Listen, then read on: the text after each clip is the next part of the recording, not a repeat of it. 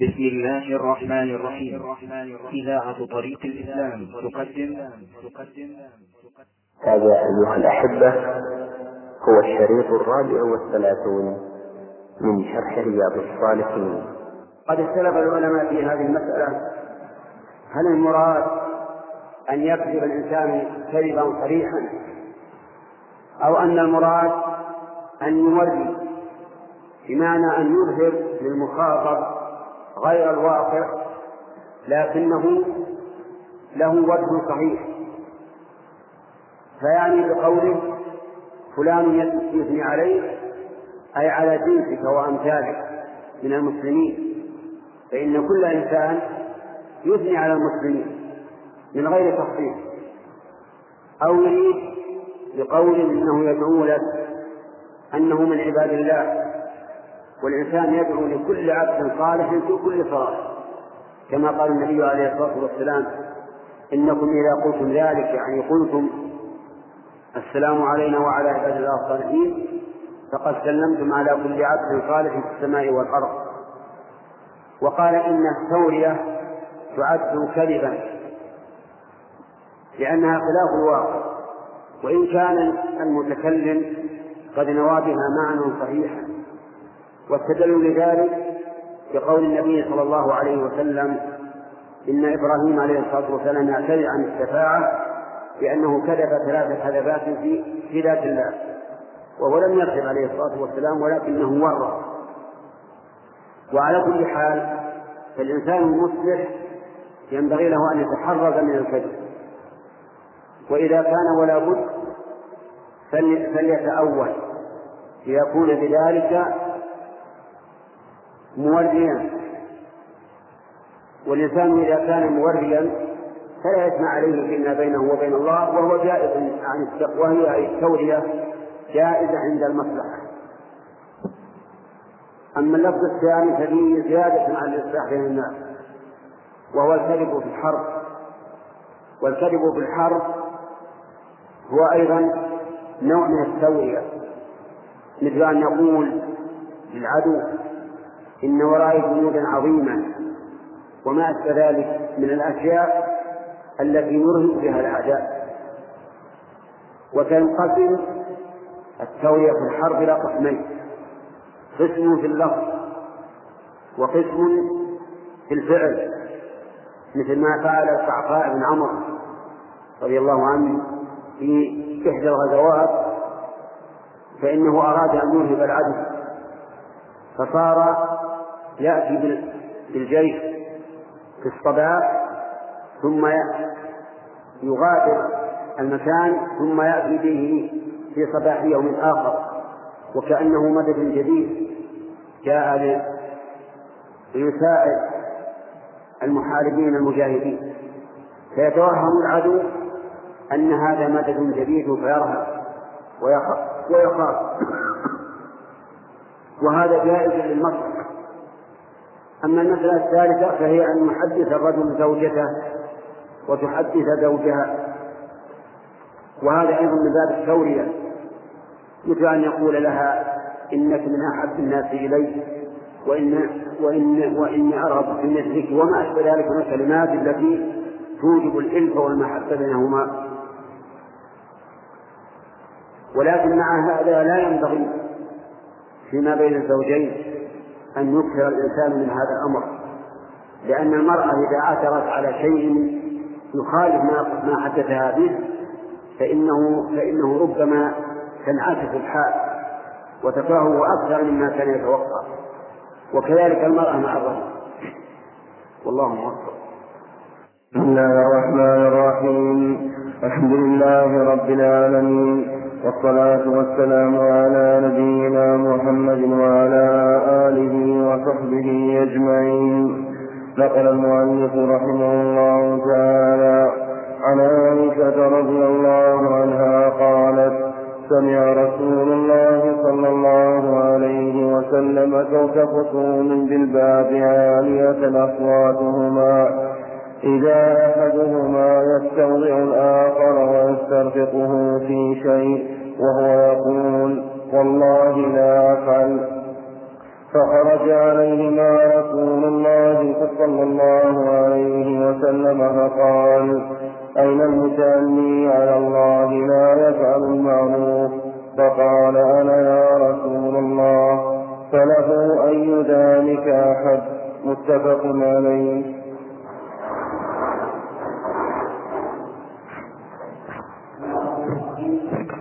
هذا الحديث الذي ذكره المؤلف رحمه الله في بيان الصلح بين اثنين بين اثنين متنازعين. فإذا رأى شخص رجلين يتنازعان في شيء وأصلح بينهما فله أسوة لرسول الله صلى الله عليه وسلم.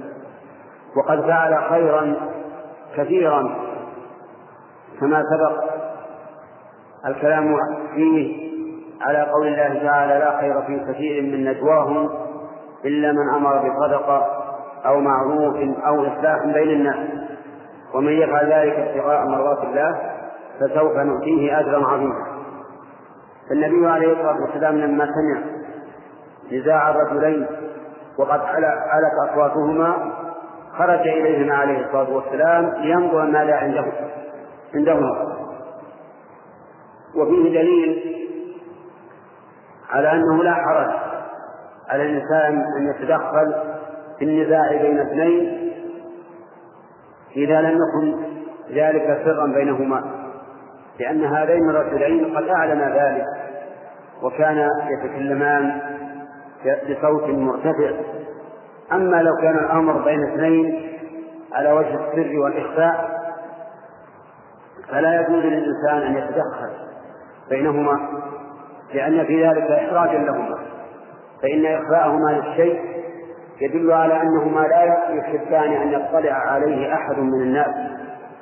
فإذا أقحمت نفسك بالدخول بينهما أحرجتهما وضيقت عليهما وربما تأخذهما العزة بالإثم فلا يصطلحان والمهم أنه ينبغي للإنسان أن يكون أداة خير وأن يحرص على الإصلاح بين الناس. وإزالة العداوة والضغائن حتى ينال خيرا كثيرا.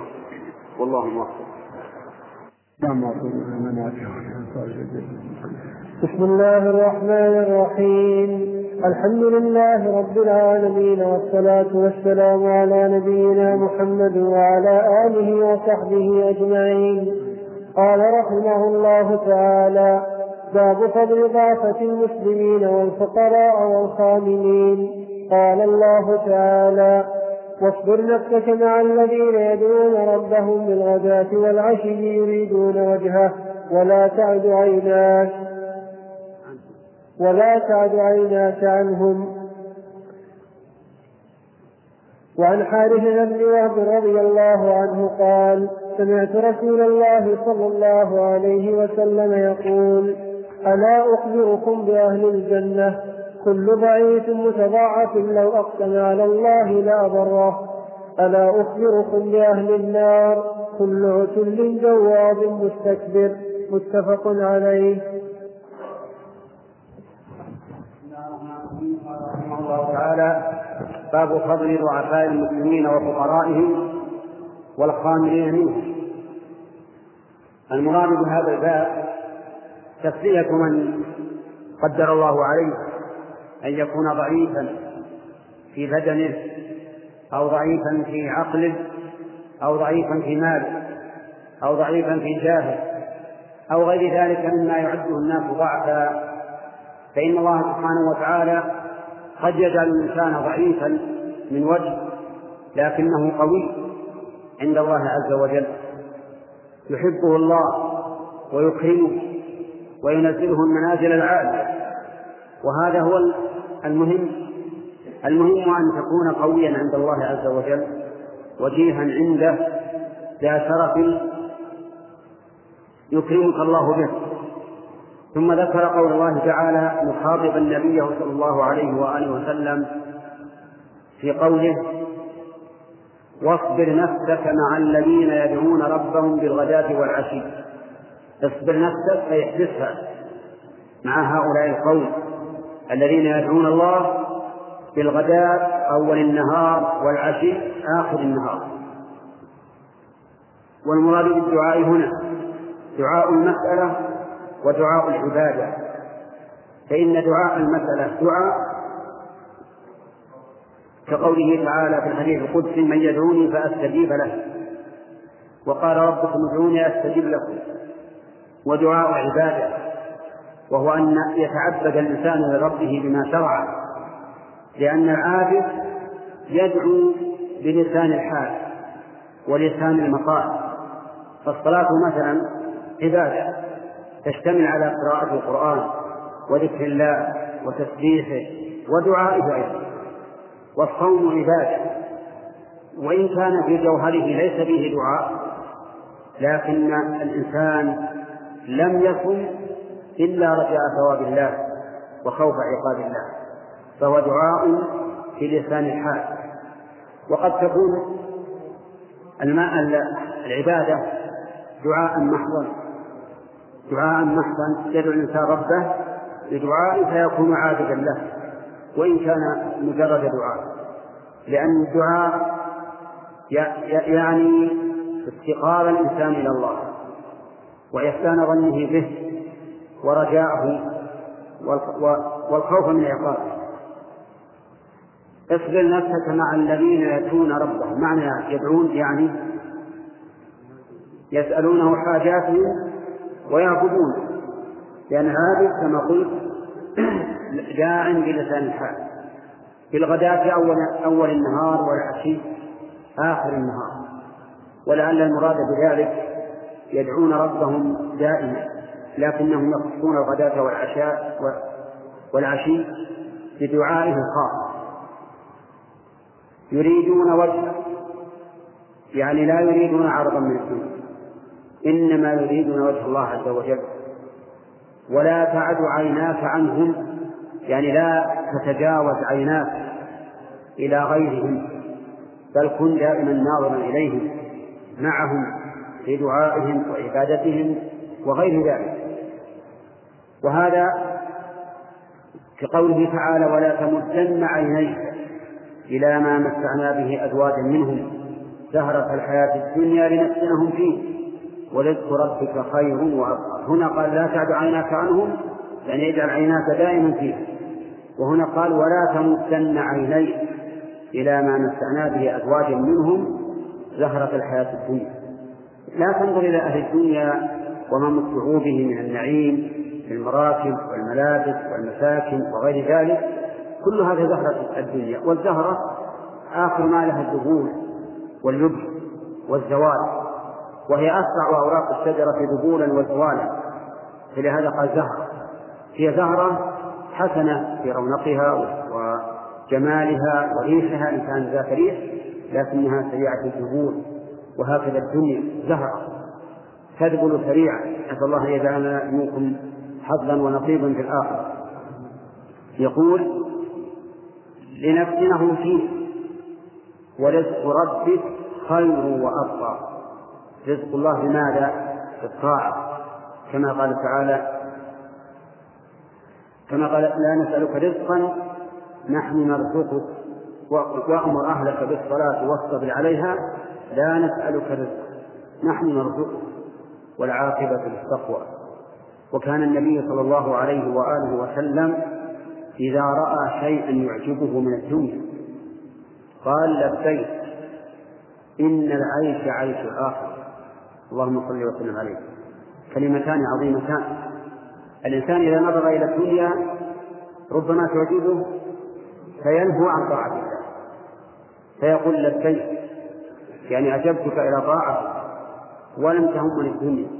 ثم يوطن نفسه ويرغبها في شيء أحسن من من نعيم الدنيا. فيقول إن العيش عيش الآخر لبيك إن العيش عيش الآخر وصدق الرسول عليه الصلاة والسلام. عيش الدنيا مهما كان زائد ومهما كان فإنه محفوف بالحزن ومحفوف بالآفات ومحفوف بالنقص. وكما يقول الشاعر في في في شعره الحكيم. لا طيب للعيش ما دامت منغصة لذاته في ادكار الموت والهرم. العيش مآله إحدى أمرين إحدى أمرين. بل العيش مآله أحد أمرين. إما الهرم حتى يعود الإنسان إلى سن الطفولة والضعف البدني مع الضعف العقلي ويكون عالة حتى على أهله حتى أهله يملونه.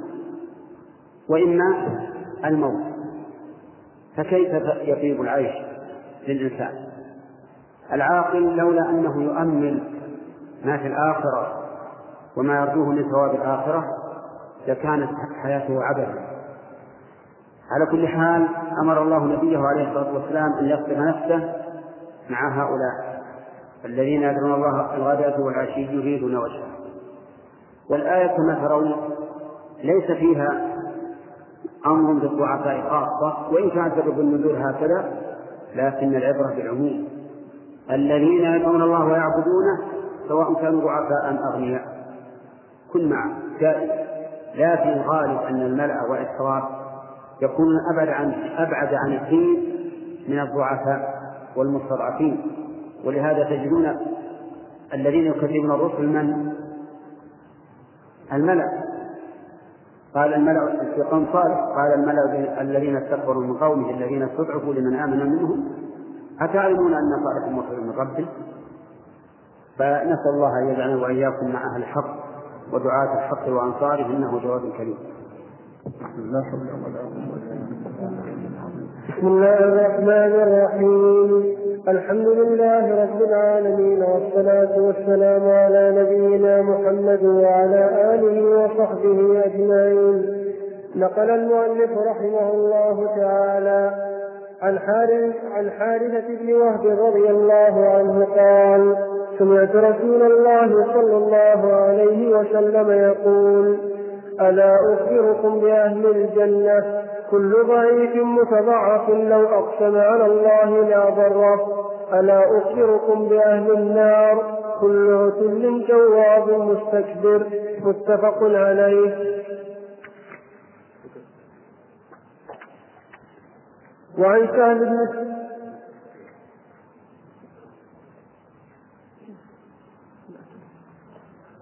العسل الغليظ الجافي والجواب بفتح الجيم وتشديد الواو وبالضاء المعجمة وهو وهو وهو الجموع المنوع. وقيل وهو الجموع وهو الجموع المنوع. وهو الجموع المنوع. وقيل الضخم المختال في مشيته. وقيل وقيل القصير البطين.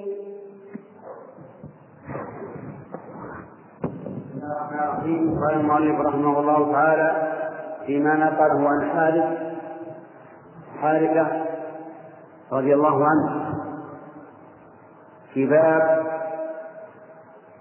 ضعفاء المسلمين وأذلائهم. أن النبي صلى الله عليه وسلم قال ألا أخبركم بأهل الجنة؟ كل ضعيف متضعف لو أقسم على الله لأبره يعني هذه من علامات من علامات أهل الجنة أن الإنسان يكون ضعيف ضعيفا متضعفا يعني لا يهتم بمنصبه أو جاهه أو يسعى إلى علو المنازل في الدنيا ولكنه ضعيف في نفسه متضعف يميل إلى الخمول وإلى عدم الظهور لأنه يرى أن المهم أن يكون له جاه عند الله عز وجل. لا أن يكون شريفا في قومه أو ذا عظمة فيهم ولكن يرى أن الأهم كله هو أن يكون عند الله سبحانه وتعالى ذو ذا منزلة كبيرة عالية ولذلك تجد أهل الآخرة لا يهتمون بما يفوتهم من الدنيا.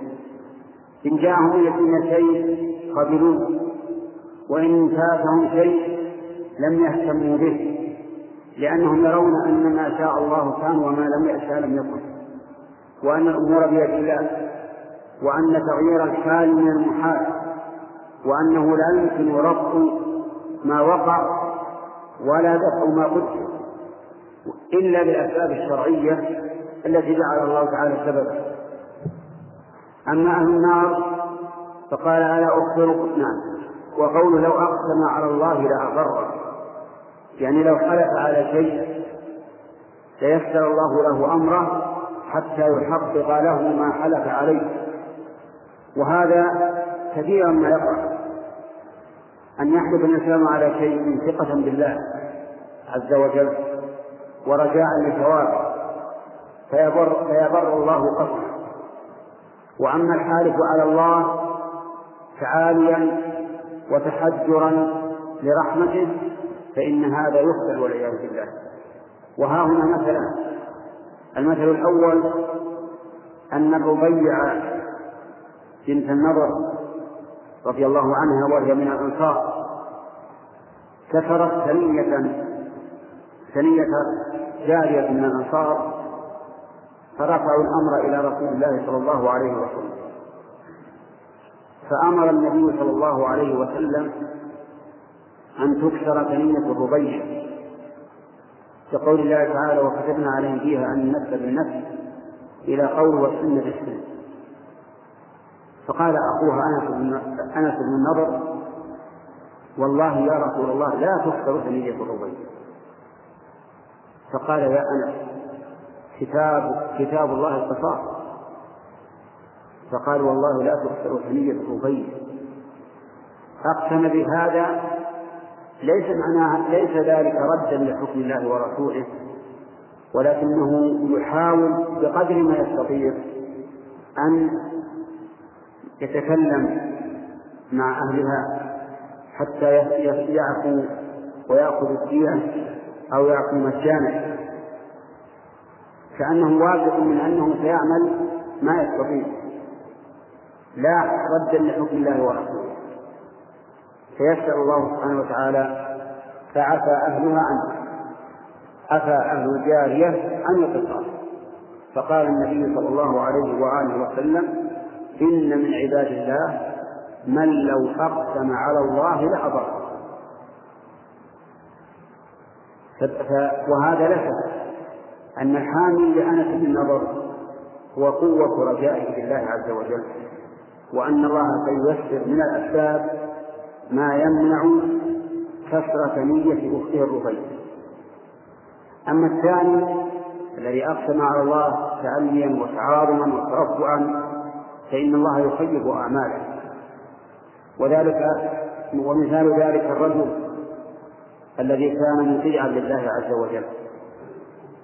عابدا. يمر على رجل عاصي. كلما مر عليه وجده على المعصية. فقال والله لا يغفر الله لفلان. حمله على ذلك الإعجاب بنفسه والتحذر بفضل الله ورحمته. واستبعاد رحمة الله عز وجل من عباده. فقال الله تعالى من ذا الذي يتألى عليه أن يحلف يعني يحلف عليه. ألا أغفر لفلان؟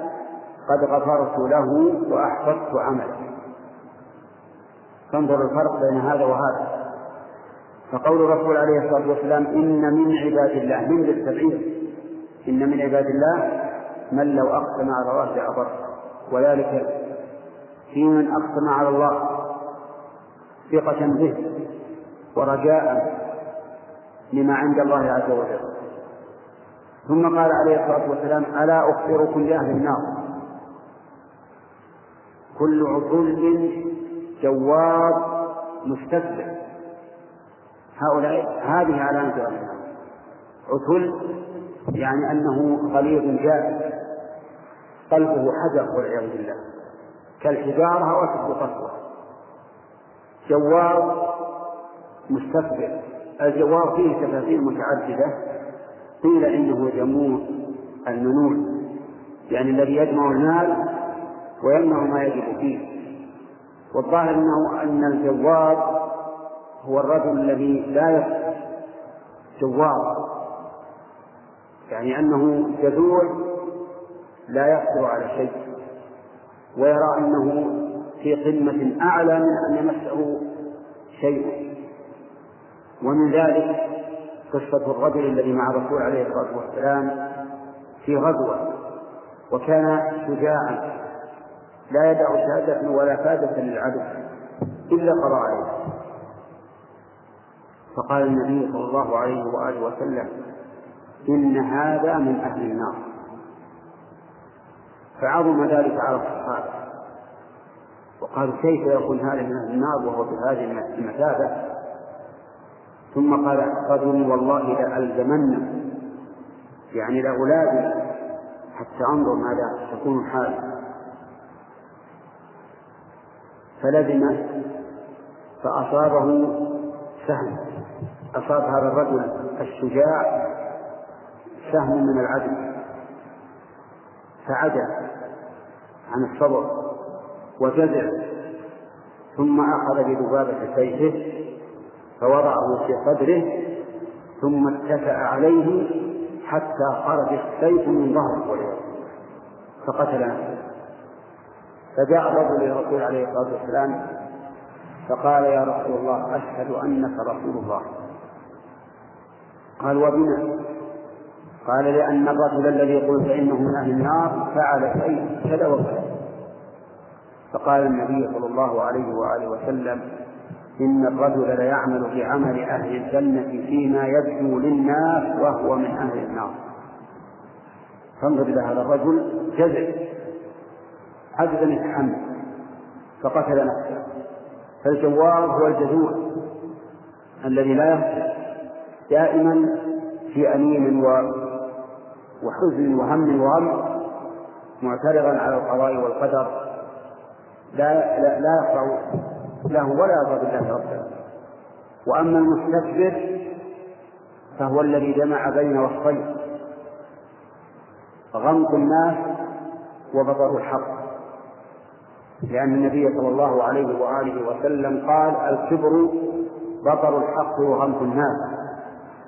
وبطر الحق يعني رده وغمط الناس يعني افتقارهم فهو في نفسه عال على الحق وعال على الخلق لا يميل للحق ولا يرحم الخلق والعياذ بالله. فهذه علامة أهل النار نسأل الله أن يعيذنا وإياكم من النار وأن يدخلنا وإياكم الجنة إنه جواد كريم. نقل المؤلف رحمه الله تعالى عن سعد بن سعد الساعدي رضي الله عنه قال مر رجل على النبي صلى الله عليه وسلم فقال لرجل فقال لرجل عنده جالس ما رأيك في هذا؟ فقال رجل من أشراف فقال رجل من أشراف الناس هذا والله حرج إن خطب أن ينكح وإن شفع أن يشفع. فسكت رسول الله صلى الله عليه وسلم. ثم مر رجل آخر فقال له رسول الله صلى الله عليه وسلم ما رأيك في هذا؟ فقال يا رسول الله هذا رجل من فقراء المسلمين. هذا حري إن خطب أن لا ينكح وإن شفع أن لا يشفع وإن قال أن لا يسمع لقوله فقال رسول الله صلى الله عليه وسلم هذا خير من ملء الأرض مثل هذا. متفق عليه. بسم الله الرحمن الرحيم. قال المؤلف رحمه الله تعالى فيما نقله عن سهل بن سعد الساعدي رضي الله عنه. قال مر رجل على عند رسول الله صلى الله عليه وسلم. فقال لرجل ما تقول في هذا؟ قال رجل من أشراف الناس. حري إن خطب أن ينكح وإن شفع أن يشفع. ثم مر رجل آخر فسأل عنه فقالوا هذا رجل من ضعفاء المسلمين حري إن خطب أن لا وإن شفع أن لا يشفع وإن قال أن لا يسمع لقول فهذان رجلان أحدهما من أشراف القوم وممن له كلمة فيه وممن يجاب إذا خطب ويسمع إذا قال. والثاني بالعكس رجل من ضعفاء الناس ليس له قيمة إن خطب فلا يجاب وإن شفع فلا يشفع وإن قال فلا يسمع فقال النبي صلى الله عليه وآله وسلم هذا خير من ملء الأرض مثل هذا مثل هذا. خير عند الله عز وجل من ملء الأرض مثل هذا الرجل الذي له شرف وجاه في قوله لأن الله سبحانه وتعالى لن سينظر إلى الشرف والجاه والنسب والمال والصورة واللباس والمركوب والمسكون وإنما ينظر إلى القلب والعمل. فإذا صلح القلب فيما بينه وبين الله عز وجل وأناب إلى الله وصار ذاكرا لله تعالى خائفا منه مثبتا إليه عاملا بما يرضي الله عز وجل فهذا هو الكريم عند الله. وهذا هو الوجيه عنده. وهذا هو الذي لو أقسم على الله لأبر فيؤخذ من هذا فائدة عظيمة وهو أن الرجل قد يكون ذا منزلة عالية في الدنيا ولكنه ليس له قدر عند الله. وقد يكون في الدنيا ذا مرتبة منحطة وليس له قيمة عند الناس وهو عند الله خير من كثير من ممن سواه. نسأل الله تعالى أن يجعلنا وإياكم من الوجهاء عنده وأن يجعل لنا ولكم عنده منزلة عالية مع النبيين والصديقين والشهداء والصالحين.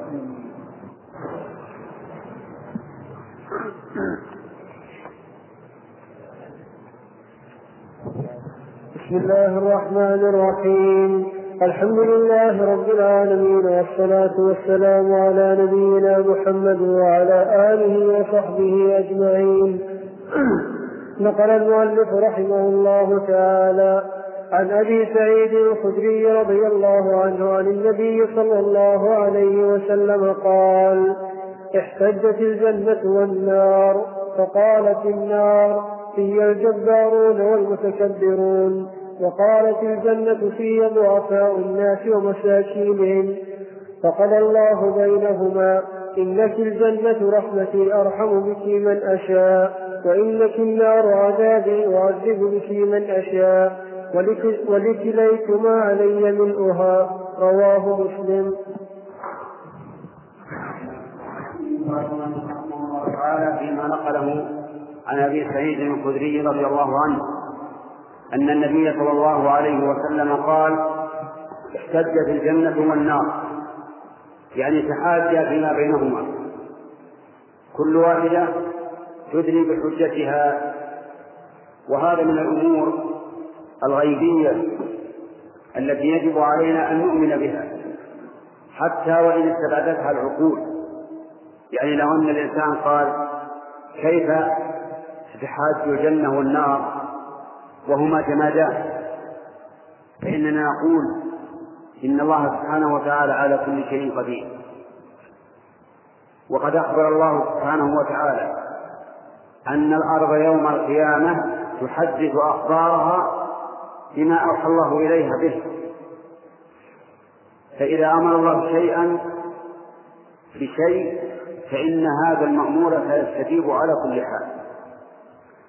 الأيدي يوم القيامة والألسن والأرجل والجلود كلها تشهد مع أنها جمال وتشهد على صاحبها مع أنها أقرب الناس إليه لأن الله سبحانه وتعالى على كل شيء قدير. فالجنة احتجت على النار والنار احتجت على الجنة. النار احتجت بأن فيها الجبارون بأن فيها الجبارين والمتكبرين. الجبارين أصحاب الغلظة والقسوة والمتكبرون أصحاب الترفع والعلو الذين يغمطون الناس ويردون الحق. كما قال النبي عليه الصلاة والسلام في الكبر إنه بطر الحق وغمط الناس. فأهل الجبروت وأهل الكبرياء هم أهل النار والعياذ بالله. وربما يكون صاحب النار لين الجانب للناس حسن الأخلاق لكنه جبار بالنسبة للحق مستكبر عن الحق فلا ينفعه لين لين جانبه وعطفه على الناس بل هو موصوف بالجبروت والكبرياء ولو كان لين الجانب للناس لأنه تجبر واستكبر عن الحق. أما الجنة فقالت إن فيها ضعفاء الناس وفقراء الناس فهم في الغالب هم الذين يلين للحق وينقادون له. وأما أهل الكبرياء والجبروت فالغالب أنهم لا ينقادون. فقضى الله بينهما عز وجل قال للجنة أنت رحمتي أرحم بك من أشاء. وقال للنار أنت عذابي أعذب بك من أشاء. أنت رحمتي يعني أنها الدار التي نشأت من رحمة الله. وليست رحمته التي هي صفته فإن رحمته التي هي صفته وصف قائم به. لكن الرحمة هنا مخلوق. أنت رحمتي يعني خلقتك برحمة أرحم بك من أشاء. وقال النار أنت عذابي أعذب بك من أشاء. كقوله تعالى يعذب من يشاء ويرحم من يشاء. فأهل, فأهل الجنة هم أهل رحمة الله. أسأل الله أن يجعلني وإياكم منهم وأهل النار أهل عذاب الله. ثم قال عز وجل ولكل واحدة منكما علي ملؤها تكفل عز وجل وأوجب على نفسه أن يملأ الجنة ويملأ النار. وفضل الله سبحانه وتعالى ورحمته أوسع من غضبه فإنه إذا كان يوم القيامة ألقى الله من يلقي في النار. وهي تقول هل من مزيد يعني أعطوني أعطوني زيد زيد فيضع الله عليها رجلة وفي لفظ عليها قدمة. فينزوي بعضها إلى بعض ينضم بعضها إلى بعض من أثر وضع الرب عز وجل عليها قدمة. وتقول خط خط يعني كفاية كفاية. وهذا من هذا من أما الجنة فإن الجنة واسعة عرضها السماوات والأرض. يدخلها أهلها ويبقى فيها فضل زائد على أهلها فينشئ الله تعالى لها أقواما فيدخلهم الجنة بفضله ورحمته.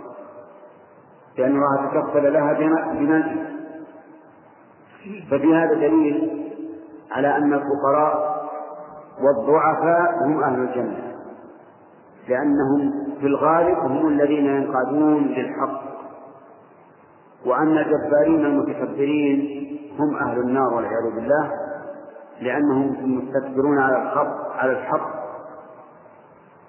وجبارون لا تلين قلوبهم لذكر الله ولا لعباد الله. نسأل الله لنا ولكم السلام والعافية.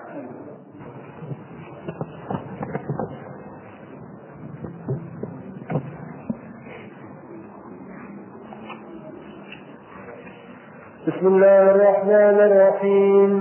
الحمد لله رب العالمين والصلاة والسلام على نبينا محمد وعلى آله وصحبه أجمعين. نقل المؤلف رحمه الله تعالى عن أبي هريرة رضي الله عنه عن النبي صلى الله عليه وسلم قال إنه ليأتي الرجل السمين العظيم يوم القيامة لا يزن عند الله جناح بعوضة. متفق عليه.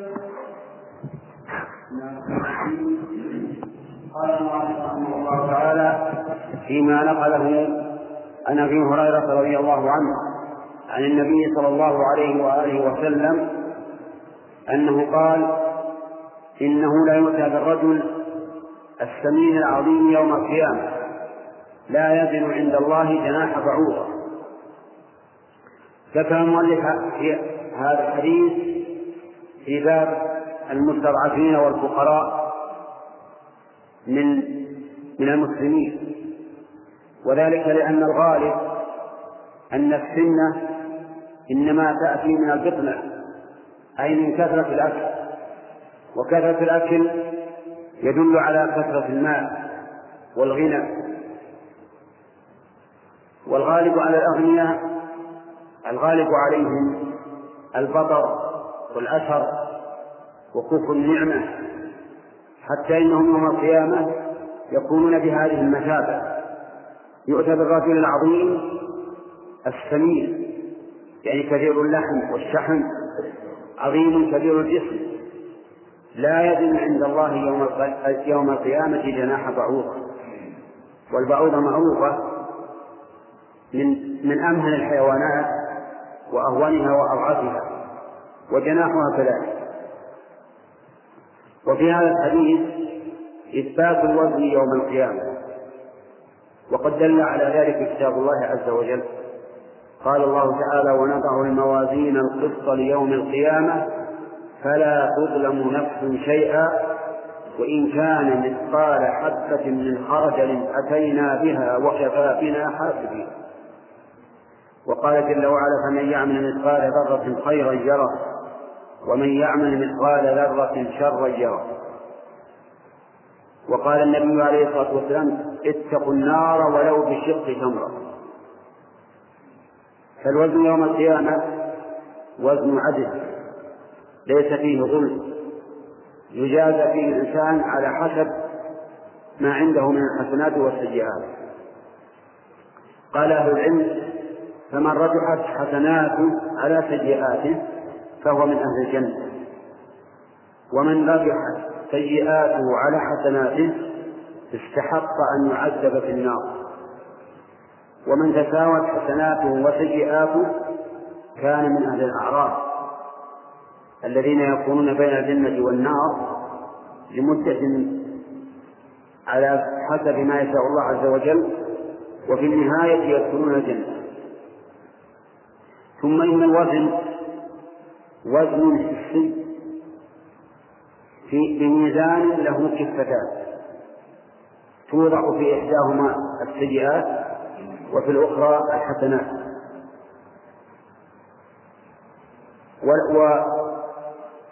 وتثقل الحسنات وتخف السيئات إذا كانت الحسنات أكثر. والعكس بالعكس. ثم ما الذي يوزن؟ ظاهر هذا الحديث أن الذي يوزن الإنسان. الذي يوزن هو الإنسان. وأنه يخف ويدخل بحسب أعماله. وقال بعض العلماء بل الذي يوزن صحائف الأعمال. توضع صحائف السيئات في كفة وصحائف الحسنات في كفة وما رجح. فالعمل عليه. وقيل بين الذي يوزن العمل. لأن الله تعالى قال فمن يعمل مثقال ذرة فجعل الوزن للعمل. وقال تعالى وإن كان مثقال حبة من خردل أتينا بها. وقال النبي صلى الله عليه وآله وسلم كلمتان حبيبتان إلى الرحمن ثقيلتان في الميزان خفيفتان على اللسان. سبحان الله وبحمده سبحان الله العظيم. فقول الكلمتان ثقيلتان في الميزان يدل على أن الذي يوزن هو العمل. وهذا هو ظاهر القرآن الكريم وظاهر السنة. وربما يوزن هذا وهذا أي توزن الأعمال وتوزن صحائف الأعمال. وفي هذا الحديث التحذير من كون الإنسان لا يهتم إلا بنفسه أي بتنعيم جسده والذي ينبغي للعاقل أن يهتم بتنعيم قلبه ونعيم قلب الإنسان بالفطرة وهي التزام دين الله عز وجل. وإذا نعم القلب نعم البدن. ولا عكس قد ينعم البدن ويؤتي الإنسان من الدنيا ما يؤتى من زهرتها ولكن قلبه في جحيم والعياذ بالله. وإذا شئت أن تتبين هذا فاقرأ قوله تعالى من عمل صالحا من ذكر أو أنثى وهو مؤمن فلنحيينه حياة طيبة ولنجزينهم أجرهم بأحسن ما كانوا يعملون. لم يقل فلنعيمن أبيانهم فلنحيينه حياة طيبة وذلك بما يجعل الله في قلوبهم من الأنس وانشراح الصدر وطمأنينة القلب وغير ذلك حتى إن بعض السلف قال لو يعلم الملوك وأبناء الملوك ما نحن فيه لجالدونا عليه بالسنة يعني من انشراح الصدر ونور القلب والطمأنينة والسكون. أسأل الله أن يفتح قلبي وقلوبكم للإسلام وينورها بالعلم والإيمان إنه جواد كريم الحمد لله رب العالمين والصلاة والسلام على نبينا محمد وعلى آله وصحبه أجمعين. نقل المؤلف رحمه الله تعالى عن أبي هريرة رضي الله عنه أن امرأة سوداء كانت تقم المسجد. أن امرأة سوداء كانت تقم المسجد أو شابا المسجد أو شابا ففقدها أو فقده رسول الله صلى الله عليه وسلم فسأل عنها أو عنه فقالوا فقالوا مات قال أفلا كنتم آذنتموني به؟ فكأنهم صغروا أمرها أو أمره فقال دلوني على قبره فدلوه عليه ثم قال إن هذه القبور مملوءة ظلمة على أهلها وإن الله تعالى ينورها لهم بصلاة عليهم. متفق عليه.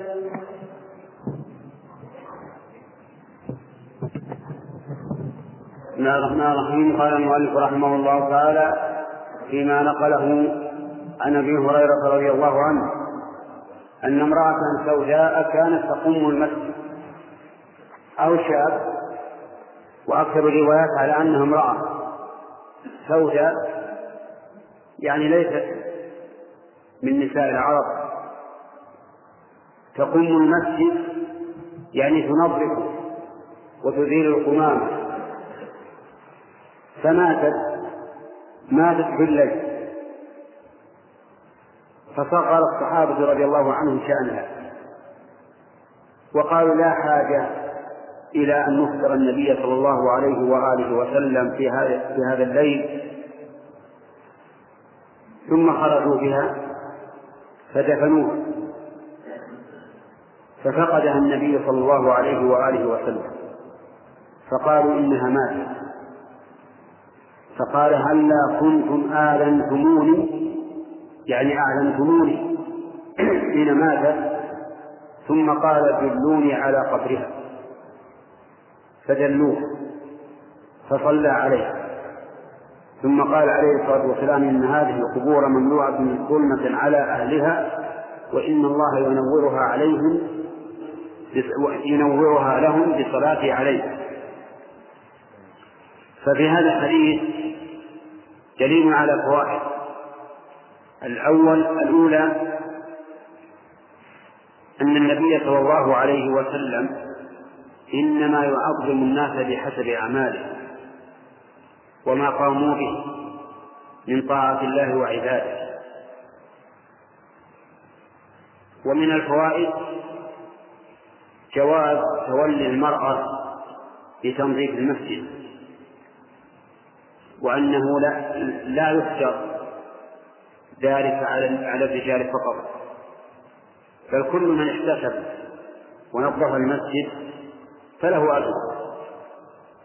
سواء باشرته المرأة أو أو استأجرت من يقوم المسجد على حسابه.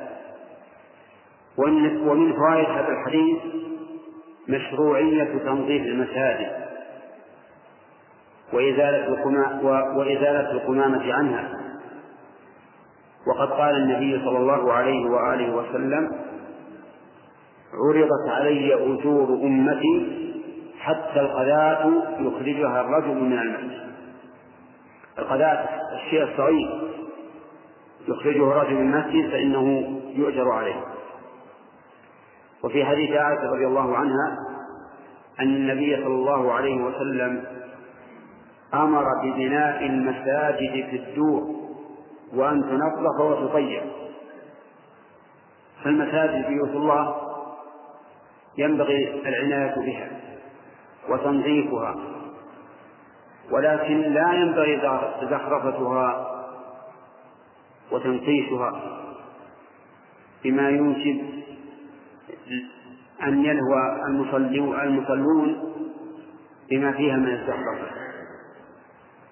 فإن النبي صلى الله عليه وآله وسلم قال لتزخرفنها يعني المساجد كما زخرفها اليهود والنصارى.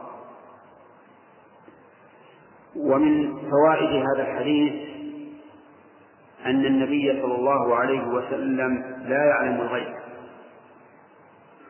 ولهذا قال دلوني على قبرها فإذا كان لا يعلم الشيء المحسوس فالغائب من باب أولى. فهو عليه الصلاة والسلام لا يعلم الغيب. وقد قال الله له قل لا أقول لكم عندي خزائن الله ولا أعلم الغيب ولا أقول لكم إني ملك إن أتبع إلا ما يوحى إلي. وقال له قل لا أملك لنفسي نفعا ولا ضرا إلا ما شاء الله ولو كنت أعلم الغيب لاستكثرت من الخير وما مسني السوء إن أنا إلا نذير وبشير لقوم ومن فوائد هذا الحديث مشروعية الصلاة على القبر لمن لم يصلي عليه قبل الدفن. لأن النبي صلى الله عليه وآله وسلم خرج فصلى على القبر حيث لم يصلي عليها قبل الدفن. ولكن هذا مشروع لمن مات في عهده وفي عصره أما من مات سابقا فلا يشرع أن تصلي عليه. ولهذا لا يشرع لنا أن نصلي على النبي صلى الله عليه وسلم على قبره أو على قبر أبي بكر أو عمر أو عثمان أو غيرهم من الصحابة أو غيرهم من العلماء والأئمة. وإنما تشرع الصلاة لمن مات في عهده. فمثلا إذا مات إنسان قبل ثلاثين سنة وعمرك ثلاثون سنة فإنك لا تصلي عليه صلاة الميت لأنه مات قبل أن تخلق وقبل أن تكون من أهل الصلاة. أما من مات وأنت قد كنت من أهل الصلاة من قريب أو أحد تحب أن تصلي عليه فلا بأس. فلو فرض أن رجلا مات قبل سنة أو سنتين. وأحببت أن تصلي عليه على قبره وأنت لم تصلي عليه من قبل فلا بأس. ومن فوائد هذا الحديث حسن رعاية النبي صلى الله عليه وآله وسلم بأمته وأنه كان يتفقدهم ويسأل عنه. فلا يشتغل بالكبير عن الصغير. كل ما يهم المسلمين فإنه يسأل عنه عليه الصلاة والسلام. ومن فوائد هذا الحديث جواز سؤال المرء ما لا تكون به منة في الغالب. لأن الرسول عليه الصلاة والسلام قال دلوني على قبره وهذا سؤال لكن مثل هذا السؤال ليس فيه منة. بخلاف سؤال المال.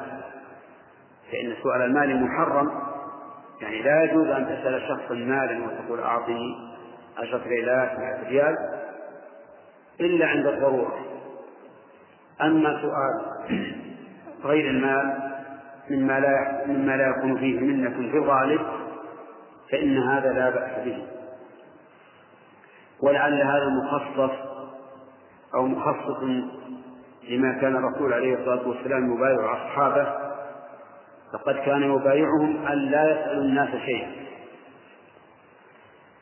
وربما يؤخذ من هذا الحديث جواز إعادة الصلاة على الجنازة لمن صلى عليها من قبل إذا وجد جماعة. لأن الظاهر أن الذين خرجوا مع النبي صلى الله عليه وآله وسلم صلوا معه. وعلى هذا فتشرع إعادة صلاة الجماعة إذا صلي عليها إذا صلى عليها جماعة آخرون مرة ثانية. وإلى هذا ذهب بعض أهل العلم. وقال إنه كما أن صلاة الفريضة تعاد إذا صليتها ثم أدركتها مع جماعة أخرى فكذلك صلاة الجنازة. وبناء على ذلك لو أن أحدا صلى على جنازة في المسجد ثم خرجوا بها للمقبرة ثم قام أناس يصلون عليها جماعة فإن فإنه لا حرج ولا كراهة في أن تدخل مع جماعة الآخرين فتعيد الصلاة. لأن إعادة الصلاة هنا لها سبب ليست مجرد تكرار بل لها سبب وهو وجود جماعة أخرى. فإذا قال قائل إذا صليت على القبر فأين أقف؟ فالجواب أنك تقف وراءه تجعله بينك وبين القبلة كما هو الشأن فيما إذا صليت عليه قبل الدفن والله أعلم.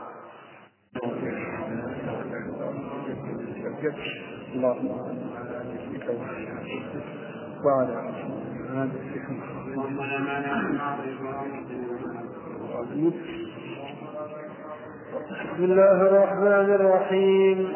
الحمد لله رب العالمين والصلاة والسلام على نبينا محمد وعلى آله وصحبه أجمعين.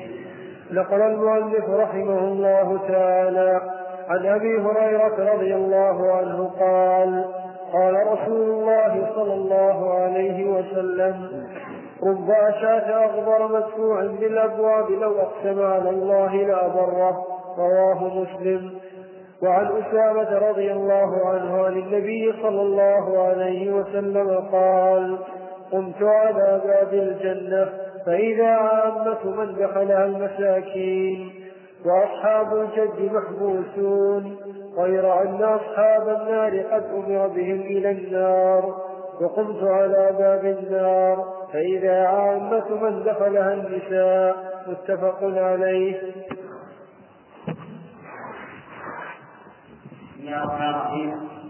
قال المؤلف رحمه الله تعالى فيما نقله عن أبي هريرة رضي الله عنه أن رسول الله صلى الله عليه وسلم قال رب أشعث اغبر مدفوع بالأبواب لو أقسم على الله لابر أشعث من صفات الشعر يعني شعره أشعث.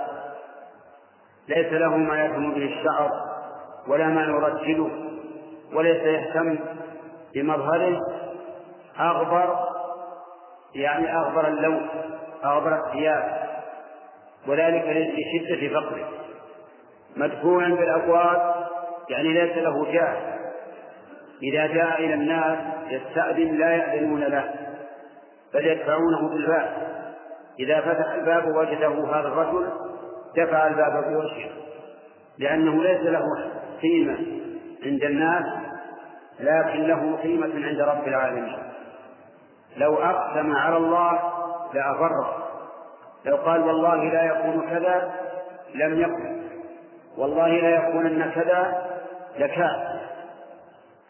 لو أقسم على الله لأبره لكرمه عند الله عز وجل. ومنزلته فبأي شيء يحصل هذا؟ لأنه ربما يكون رجل أشعث أغبر مدفوع بالأبواب لو أقسم على الله ما أبره ورب أشعث أغبر مدفوع بالأبواب لو أقسم على الله لأبره فما هو الميزان؟ الميزان تقوى الله عز وجل. كما قال الله تعالى إن أكرمكم عند الله أتقاكم. فمن كان أتقى لله فهو أكرم عند الله ييسر الله له الأمر يجيب دعاءه ويكشف ضره ويقسم ويبر قسمه. وهذا الذي أقسم على الله لن يقسم بظلم لن يقسم بظلم لأحد ولن يجترئ على الله في ملكه. ولكنه يقسم على الله في مراض الله ثقة بالله عز وجل أو في أمور مباحة ثقة بالله عز وجل. وقد مر علينا في قصة الربيع بنت النضر وأخيها أنس بن النضر فإن الربيع كسرت ثنية جارية من الأنصار فاحتكموا إلى الرسول عليه الصلاة والسلام. فأمر النبي صلى الله عليه وآله وسلم أن تكسر ثنية الربيع لأنها كسرت ثنية الجارية الأنثى. فقال أخوها أنس يا رسول الله تكسر ثنية الربيع؟ قال نعم. كتاب الله القصاص السن بالسن. قال والله لا تكسر ثنية الربيع. قال ذلك ثقة بالله عز وجل ورجاء لتيسيره وتسكيره فأقسم هذا القسم ليس ردا لحكم الرسول كلا ولكن ثقة بالله عز وجل. فهدى الله أصحاب الجارية أهل الجارية ورضوا بالدية أو عفوا.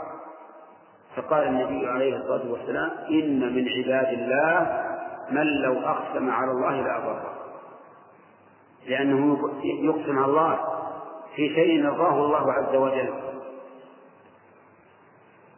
إحسانا بالظن إحسانا بالله عز وجل إحسانا في ظنه بالله عز وجل. أما من أقسم على الله تأليا على الله واستكبارا على عباد الله وإعجابا بنفسه فهذا لا يضر الله قسمه لأنه ظالم.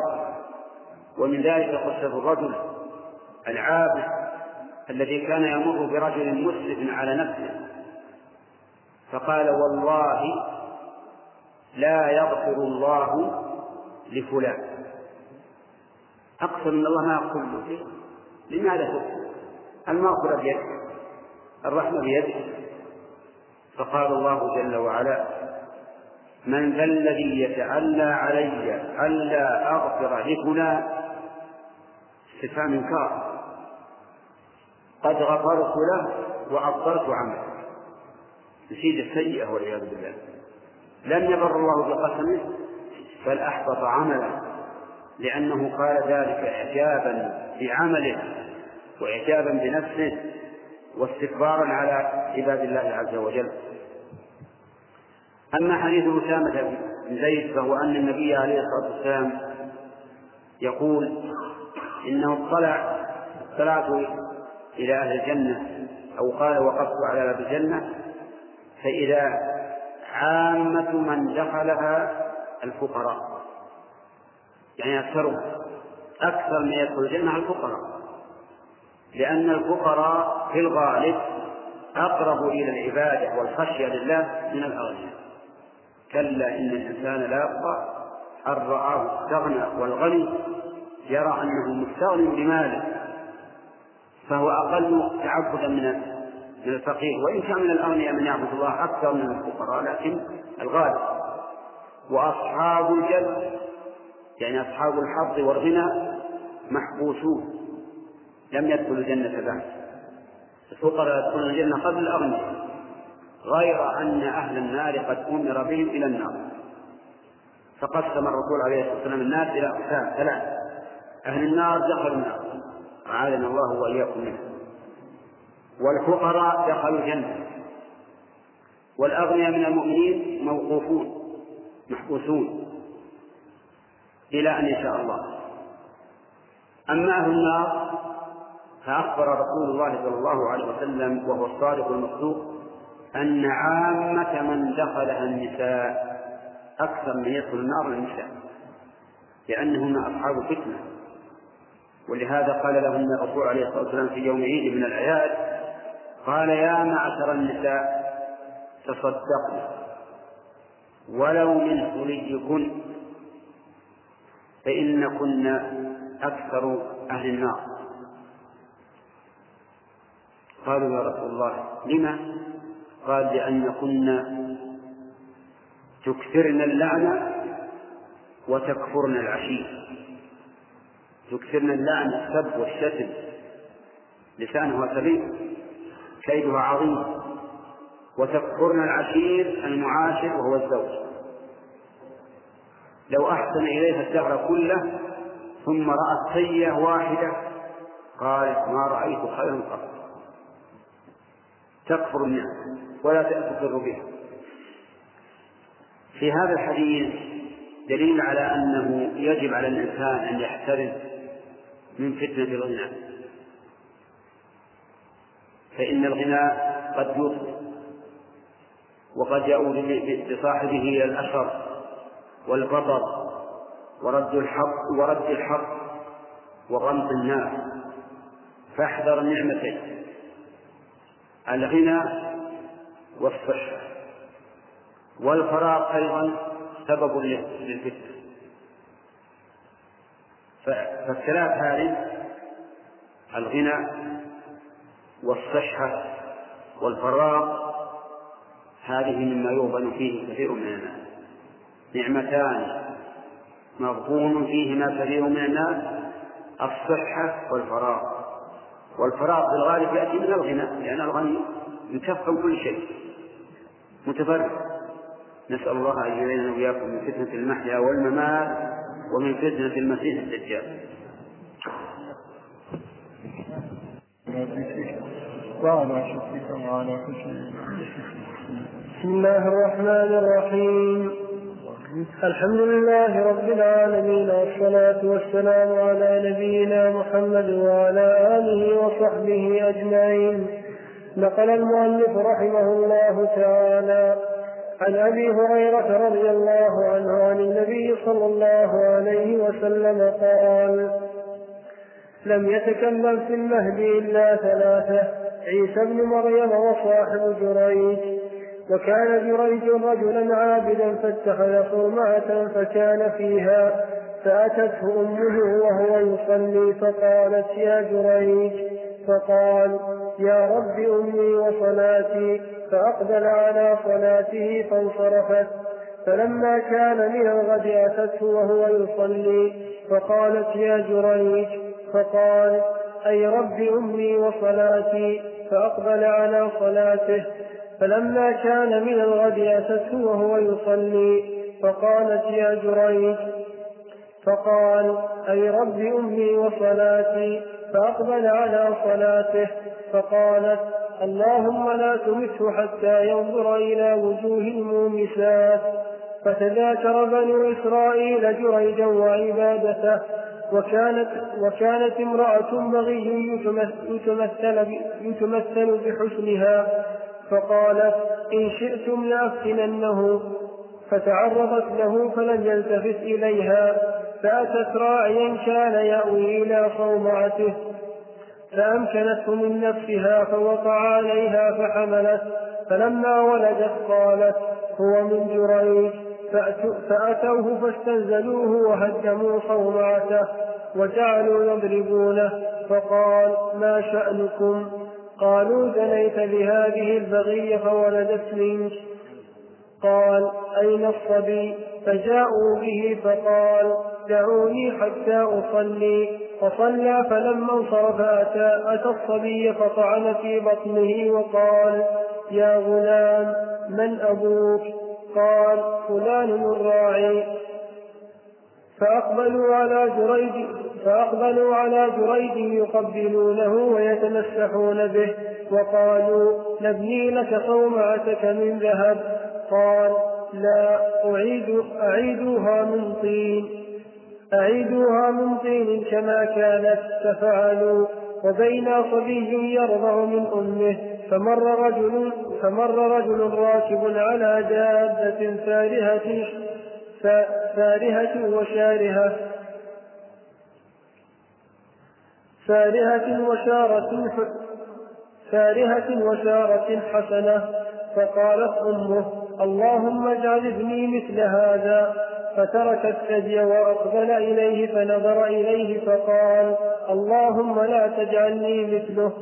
ثم أقبل على ثدي ثم أقبل على ثديه فجعل يرضع فك فكأني أنظر إلى رسول الله صلى الله عليه وسلم وهو يحشي ارتضاعه بأصبعه السبابة بأصبعه السبابة في فيه فجعل يمصها ثم قال ومروا بجارية وهم يضربونها ويقول ويقولون زنيت ويقولون زنيت سرقت وهي تقول زنيت سرقت وهي تقول حسبي الله ونعم الوكيل فقالت أمه اللهم لا تجعل ابني مثلها فترك الرضاع ونظر إليها فقال اللهم اجعلني مثلها فهنالك تراجع فهنالك تراجع الحديث فقالت مر رجل حسن الهيئة فقلت اللهم اجعل ابني مثل مثله. فقلت اللهم لا تجعلني مثله. ومروا بهذه الأمة وهم يضربونها ويقولون زني زنيت سرقت فقلت اللهم لا تجعل ابني مثلها. فقلت اللهم اجعلني مثلها. قال إن ذلك الرجل جبار. فقلت اللهم لا تجعلني مثله وإن هذه يقولون زنيت ولم تزني وسرقت ولم تسرق فقلت اللهم اجعلني مثلها متفق عليه.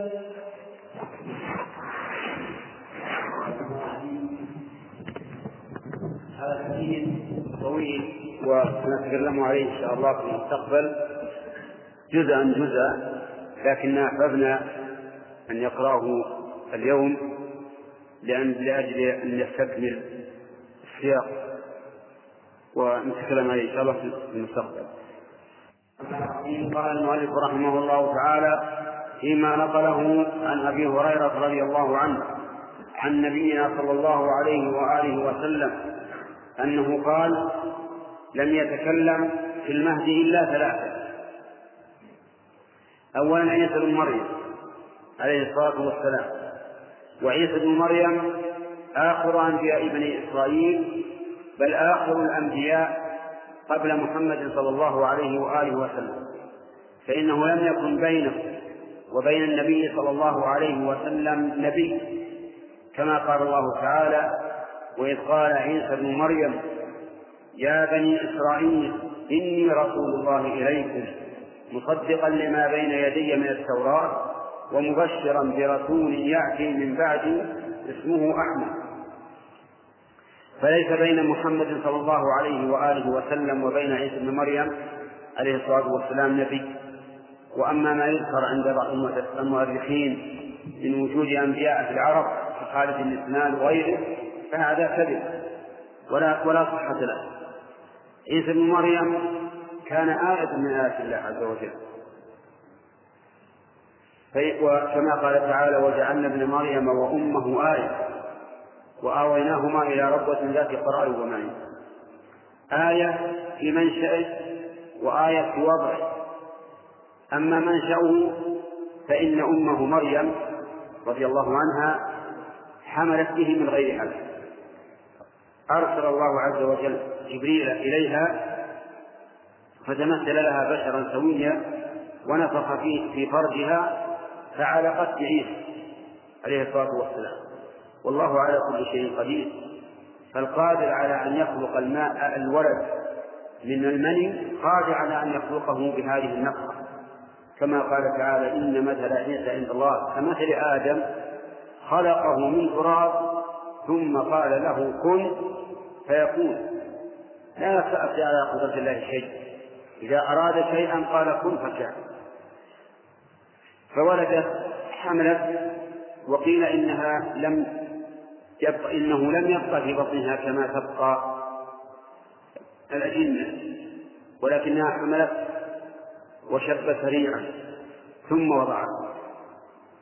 وكان في وضعه آية أجاءها المخاض أي أجاء مريم المخاض إلى جذع النخلة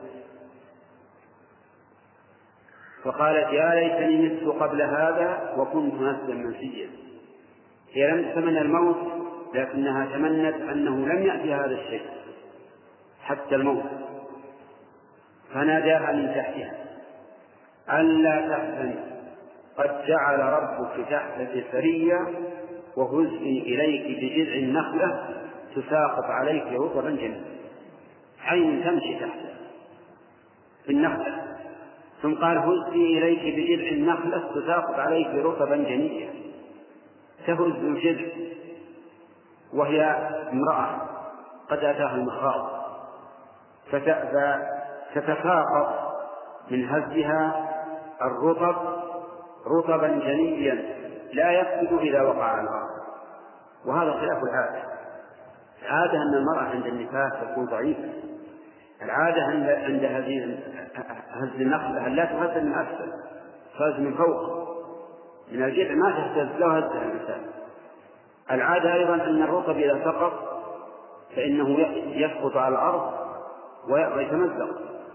لكن الله قال تساقط عليك رطبا جنيا. فكلي واشربي وقري عينا. الله أكبر. ما في الله عز وجل. الله على كل شيء قدير. وضعت الولد. فأتت به قومها تحمل. تحمل طفل. وهي لم تتزوج. فقالوا لها يعرضونها بالبغاء. قالوا يا أخت هارون ما كان أبوك امرأة سوء؟ وما كانت أمك بغير يعني كأنهم يقولون من أين جاءت الزنا؟ نسأل الله العافية. وأبوك ليس امرأة سوء؟ وأمك ليست بغية وفي هذا إشارة إلى أن الإنسان إذا زنى فقد يبتلى نفسه بالزنا والعياذ بالله. كما جاء في الحديث في الأثر من زنى زنى أهله. فهؤلاء قالوا ما كان أبوك امرأة سوء وما كانت أمك بغية فألهمها الله عز وجل. أشارت إلى الولد إلى الطفل. أشارت إليه؟ فكأنهم فخروا بها. قالوا كيف نكلم من كان في المهد صبيا؟ هذا غير معقول. ولكنه التفت إليهم وقال هذا الكلام البليغ العجيب. قال إني عبد الله. آتاني الكتاب وجعلني نبيا وجعلني مباركا أينما كنت وأوصاني بالصلاة والزكاة ما دمت حيا. وبرا بوالدتي ولم يجعلني جبارا شقيا. والسلام علي يوم ولدت ويوم أموت ويوم أبعث. سبع جمل الله من طفل في المهد ولكن لا تتعجب. قدرة الله عز وجل فوق كل شيء. أليست جنودنا وأيدينا وأرجلنا وألسنتنا يوم القيامة تشهد علينا بما فعلنا عجيب. بلى. لا تقول نعم قل بلى. بلى تشهد أليست الأرض تحدث أخبارها بأن ربك أوحى الأرض تشهد بما عملت عليها من قول بما عملت عليها من قول أو فعل. يومئذ تحدث أخبارها بأن ربك أوحى لها. إذا هذا كلام عيسى بن مريم. تكلم بهذه الكلمات العظيمة سبع جمل وهو في المهد. أما الثاني فهو صاحب جريج. جريج رجل عابد انعزل عن الناس. والعزلة خير إذا كان في الخلطة في الخلطة شر العزلة خير إذا كان في الخلطة شر أما إذا لم يكن في الخلطة شر فالاختلاط بالناس أفضل. قال النبي عليه الصلاة والسلام المؤمن الذي يخالط الناس ويصبر على أذاهم خير من المؤمن الذي لا يخالطهم ويصبر على أذاهم. لكن إذا كانت الخلطة ضرر عليك في دينك فانج به كما قال النبي عليه الصلاة والسلام يوشك أن يكون خير مال مال الرجل غنما يتبع بها شعف الجبال ومواقع القطر يعني يفر بدينه من الفتن. فهنا جريج انعزل عن الناس. بنى صومعة يعني مكان يتعبد فيه لله عز وجل فجاءته أمه ذات يوم وهو يصلي. فنادته. فقال في نفسه أي رب أمي وصلاتي هل أجيب أمي وأقطع الصلاة؟ أو أستمر في صلاتي فمضى في صلاته وجاءته مرة ثانية وقالت له مثل الأولى فقال مثل مثل ما قال ثم استمر في صلاته فجاءته المرة الثالثة فقال فدعته فقال مثل ما قال ثم استمر في صلاته. فأدركها الغضب وقالت اللهم لا تمته حتى ينظر في وجوه الموسى أعوذ بالله الزوان حتى ينظر في وجوه الزوان والإنسان إذا نظر في وجوه الزوان فتن لأن نظر إلى المرأة فتنة. فكيف إذا كانت والعياذ بالله زانية صغيرة لأنه ينظر إليها على أنها تمكنه من نفسه.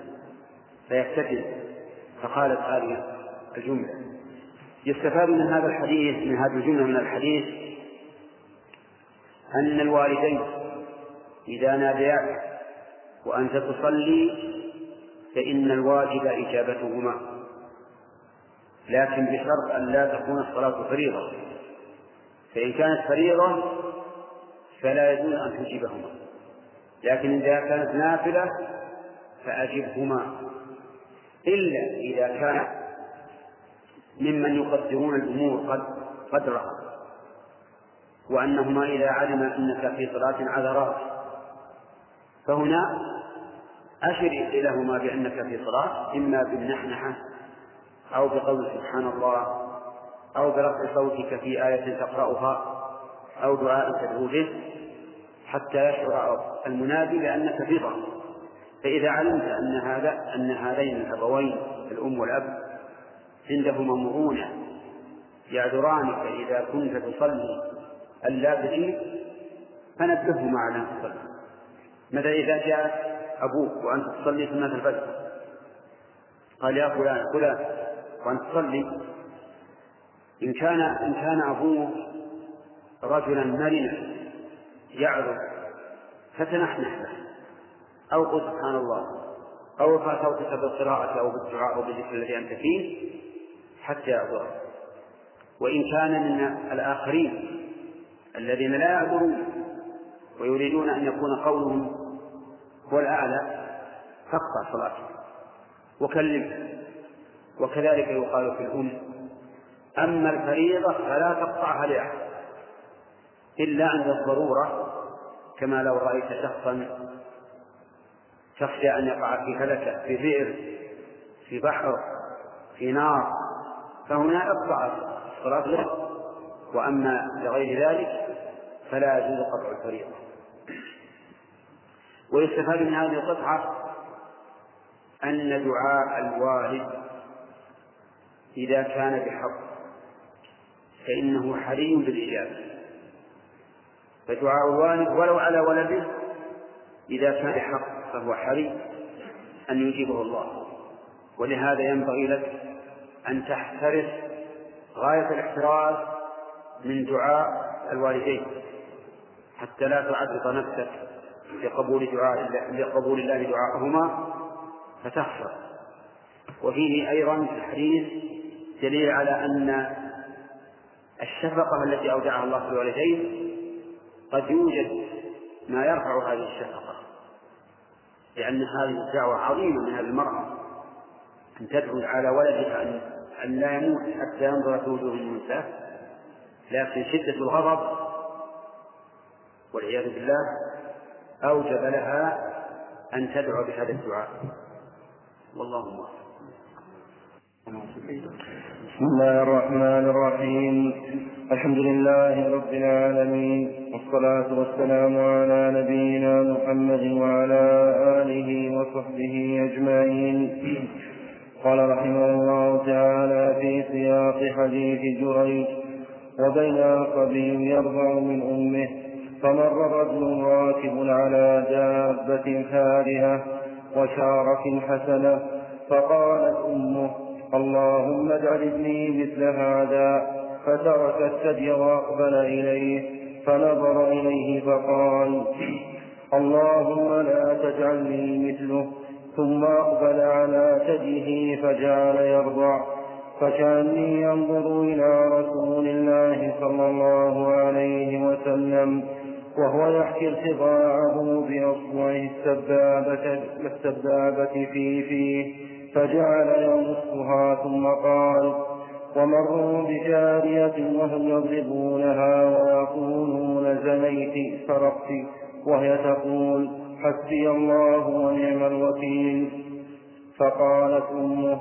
اللهم لا اللهم لا تجعل ابني مثلها فترك الرضاع ونظر إليها فقال اللهم اجعلني مثلها فهنالك تراجع الحديث فقالت مر رجل حسن الهيئة فقلت اللهم اجعل اللهم اجعل ابني مثله فقلت اللهم لا تجعلني مثله ومروا بهذه الأمة وهم يضربونها ويقولون زنيت سرقت فقلت اللهم لا تجعل ابني مثلها فقلت اللهم اجعلني مثلها قال إن ذلك الرجل جبار فقلت اللهم لا تجعلني مثله وإن هذه يقولون زنيت ولم تزن وسرقت ولم تسرق فقلت اللهم اجعلني مثلها متفق عليه.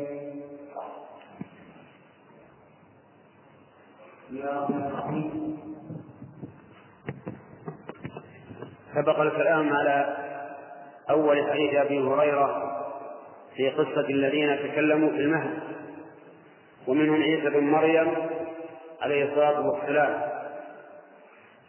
وجريج وكان عابدا قد بنى له صومعة يتعبد لله فيها. فتكلم فيه بنو إسرائيل. فقالت امرأة منهم إني أنا أفتيكم لأن أمه مرت عليه ثلاث مرات وهو يصلي فتدعوه ولكنه يستمر في صلاته فدعت عليه كما مر. وفي قصته من الفوائد غير ما سبق أن الإنسان إذا تعرف إلى الله تعالى في الرخاء عرفه في الشدة. فإن هذا الرجل كان عابدا يتعبد لله عز وجل. فلما وقع في الشدة العظيمة أنجاه الله منه. لما جاء إليه هؤلاء الذين كادوا له هذا القيد العظيم ذهبت هذه المرأة إلى جريج لتفتنه ولكنه لم يلتفت إليها. فإذا راعي غنم يرعاها ثم يأوي إلى صومعة هذا الرجل فذهبت إلى الراعي فزنى بها والعياذ بالله. فحملت منه. ثم قالوا إن هذا الولد ولد زنا من جريج. رموه بهذه الفاحشة العظيمة فأقبلوا عليه يضربونه وأخرجوه من صومعته وهدموها فطلب منهم أن يأتوا بالغلام. الذي من الراعي فلما أتوا به ضرب في بطنه وقال من أبوك؟ وهو في المهد. فقال أبي فلان يعني ذلك الراعي. فأقبلوا إلى جريج يقبلونه ويتمسحون به وقالوا له هل تريد أن نبني لك صومعتك من ذهب؟ لأنهم هدموها ظلما. قال لا ردوها على ما كانت عليه من الطين فبنوها له. ففي هذه القصة أن هذا الصبي يتكلم وهو في المهد. وقال إن إن إن أباه فلان الراعي واستدل بعض العلماء بهذا من هذا الحديث. استدل بعض العلماء في هذا الحديث على أن ولد الزنا يلحق الزاني. لأن جريجا قال من أبوك؟ قال أبي فلان الراعي. وقد قصها النبي صلى الله عليه وسلم علينا للعبرة. فإذا لم ينازع الزاني في الولد واستلحق الولد فإنه يلحقه وإلى هذا ذهب طائفة يسيرة من أهل العلم. وأكثر العلماء على أن ولد الزنا لا يلحق الزاني. لقول النبي صلى الله عليه وآله وسلم الولد للفراش وللعاهر الحجر. ولكن الذين قالوا بلحوقه قالوا هذا إذا كان له مناسب كصاحب الفراش فإن الولد لصاحب الفراش. وأما إذا لم يكن له منازع واستلحقه فإنه يلحقه لأنه ولده قدرا فإن هذا الولد لا شك أنه خلق من ماء الزاني فهو ولده قدرا ولم يكن له أب شرعي ينازعه وعلى هذا فيلحق به.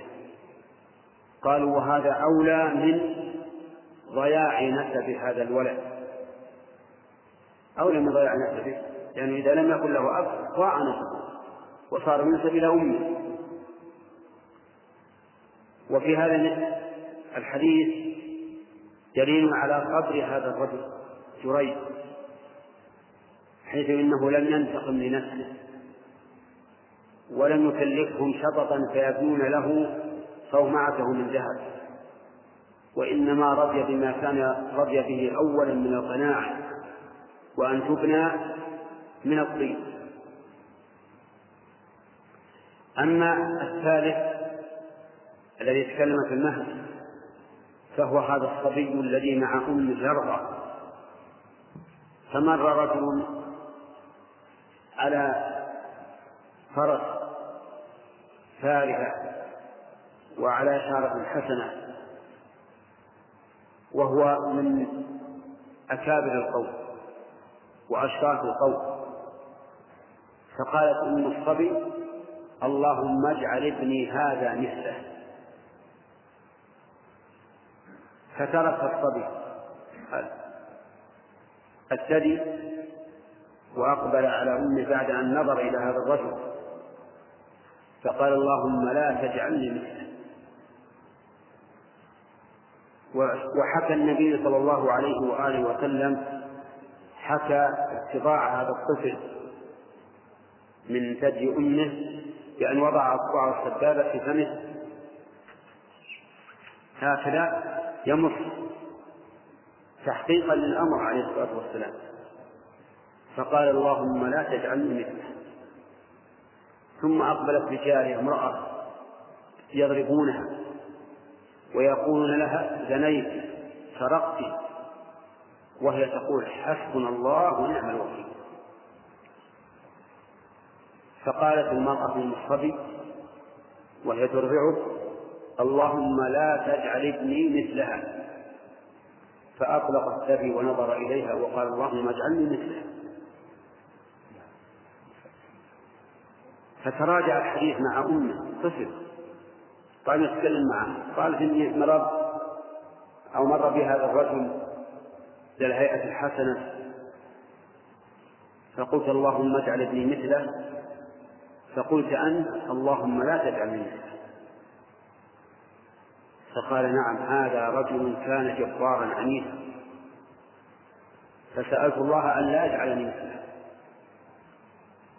أما المرأة فإنهم يقولون زنيت وسرقت ويقول حسبي الله ونعم الوكيل. فقلت اللهم لا تجعل اللهم اجعلني مثلها.